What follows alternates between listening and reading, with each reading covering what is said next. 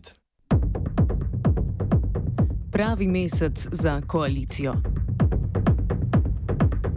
Sporazum o sodelovanju med strankami koalicije stranko Levica je bil po zapletih na zadnje le podpisan.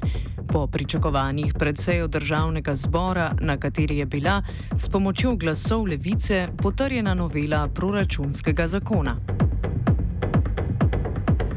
Sporazum o sodelovanju med Levico in koalicijo sicer ni bil podpisan prej zaradi zahtev Levice, naj premije Marjan Šarec iz kabineta umakne spornega državnega sekretarja Damirja Črnčeca, znanega po svojih huiskaških protiimigranskih izjavah.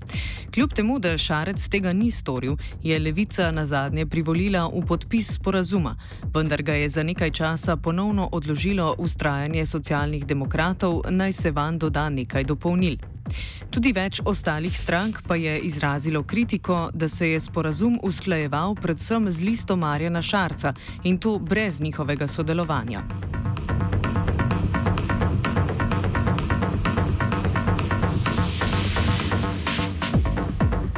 Kot rečeno, je do podpisa z vsemi koalicijskimi strankami na zadnje le prišlo in sicer brez dodatkov, ki so jih predlagali socialni demokrati. Te pozicije levica vse bolj skrbi, saj bolj dosledno izvaja socialdemokratsko politiko in se jim s tem zažira v volilno bazo. Poslanec SD Matjaš Han je sploh britko komentiral, da s tem podpisom levica dobiva večji vpliv oziroma z njegovimi besedami višji status od koalicijskih socialnih demokratov. Odnos je ponazoril s prirejeno biblijsko priliko o vrnitvi izgubljenega sina. Citiramo. Tista hčerka, ki je doma, ob prihodu ni toliko vredna kot tista, ki pride domov vsake 14 dni, pa je tudi kosilo boljše. Konec citata. Matjaš Han za naša vprašanja ni imel časa, saj smo ga zmotili med kosilom. Ali je bilo zaradi podpisa sporazuma z levico kaj boljše, ali pa morda bolj grenko kot ponavadi, nismo izvedeli. Poleg Matjaža Hana pa so do podpisa sporazuma o sodelovanju z Levico pričakovano kritični v gospodarski zbornici Slovenije. Nasprotujejo predvsem dvigu davka na dobiček, dvigu socialnih prispevkov in pa tako imenovanemu insourcingu, s katerim želi Levica zagotoviti zaposlitev predvsem čistilk in varnostnikov, ki trenutno oskrbujejo državna poslopja, njihovo delo pa praviloma posredujejo privatni servisi. V gospodarski zbornici ta ukrep označujejo za nacionalizacijo. Kot zelo sporno označujejo tudi više financiranje javnega zdravstva, ki je po njihovem mnenju že sedaj dovolj visoko. Ukrepi, ki bi izboljšali socialno varnost državljanov, bodo po izračunih zbornice stali 1,4 milijarde evrov, kar metaforično primerjajo z, oklesi, z oklesetenjem in požaganjem zelenega drevesa, ki je slovensko gospodarstvo.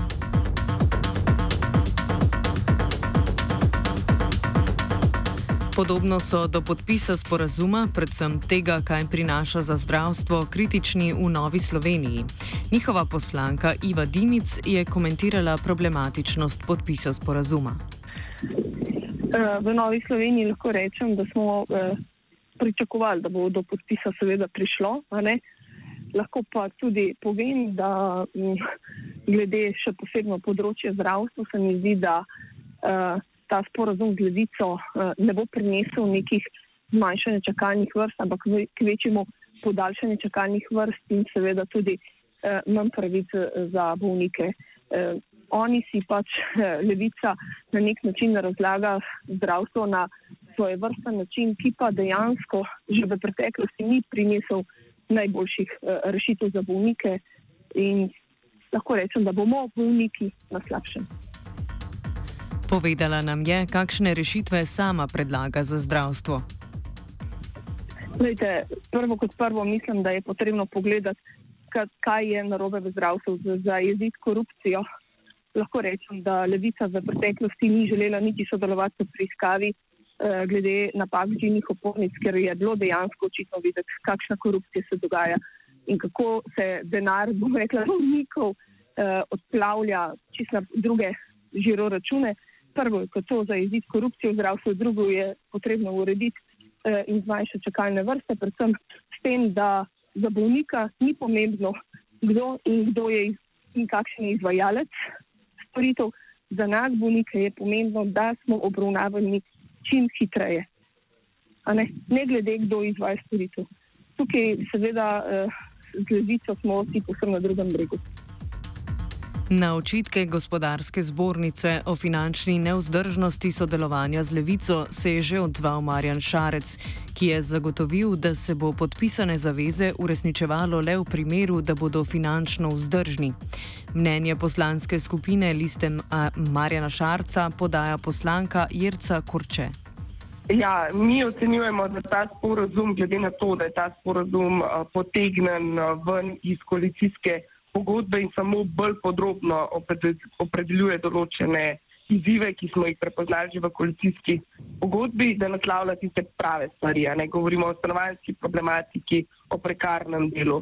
Uh, Veliko uh, zadev, ki so v tem sporozumu, govorijo predvsem o regulaciji, kar pomeni samo o zakonski regulaciji, za katero ni niti predvidenih uh, finančnih učinkov tiste zadeve, ki pa so vezane na finančne učinke, če govorimo recimo o ukinitvi dopolnilnega zdravstvenega zavarovanja, je pa logično, da jih bomo morali skoraj pa drugače pretehtati v luči javnih financ, predvsem, ki bomo uh, najdel bolj uh, pravičen ali pa bolj solidaren ver, če ukinemo uh, zdravstveno, dopolnilno zdravstveno zavarovanje. Korče komentira še kritiko gospodarske zbornice. Ja, sej, uh, vedno, vedno je uh, dobro, če bolj pa drugače uh, vsak izraz kakšno kritiko ali pa pomislek, ki ga ima, jaz v tem ne vidim uh, nič slabega. Moramo pa vedeti, da bo vsak ukrep, uh, tako kot je v naši državi oziroma v vsaki normalni demokraciji praksa, mogel biti dogovorjen tudi z raznimi socialnimi partnerji, tako delodajalci kot uh, delojemalci. Uh, mi pa ocenjujemo, da noben od teh ukrepov ni tak, da bi lahko povzročal kakršno koli uh, gospodarsko škodo. Bomo pa, kot rečeno, vodili dialog tudi uh, z delodajalci in bojo lahko tudi v procesu, ko bomo te ukrepe dejansko upeljevali v prakse, izrazili svoje mnenje in pomisleke in verjamem, da bomo našli kompromisno rešitev, ki bo dobra za vse. Levica na naša vprašanja do zaključka redakcije ni odgovorila.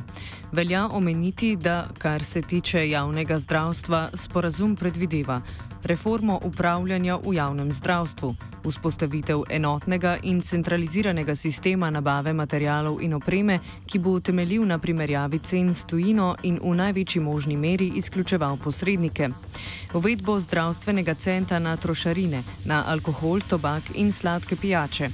Vključitev tistih zobozdravstvenih storitev, ki so bile doslej neupravičeno plačljive, v osnovno košarico pravic iz OZZ, vključitev vseh prebivalcev Republike Slovenije v zdravstveno zavarovanje. V obvezno zdravstveno zavarovanje je potrebno vključiti tudi tiste prebivalce, ki tega zaradi trenutnega statusa nimajo in se lahko po pomoč zatekajo zgolj v probono ambulante.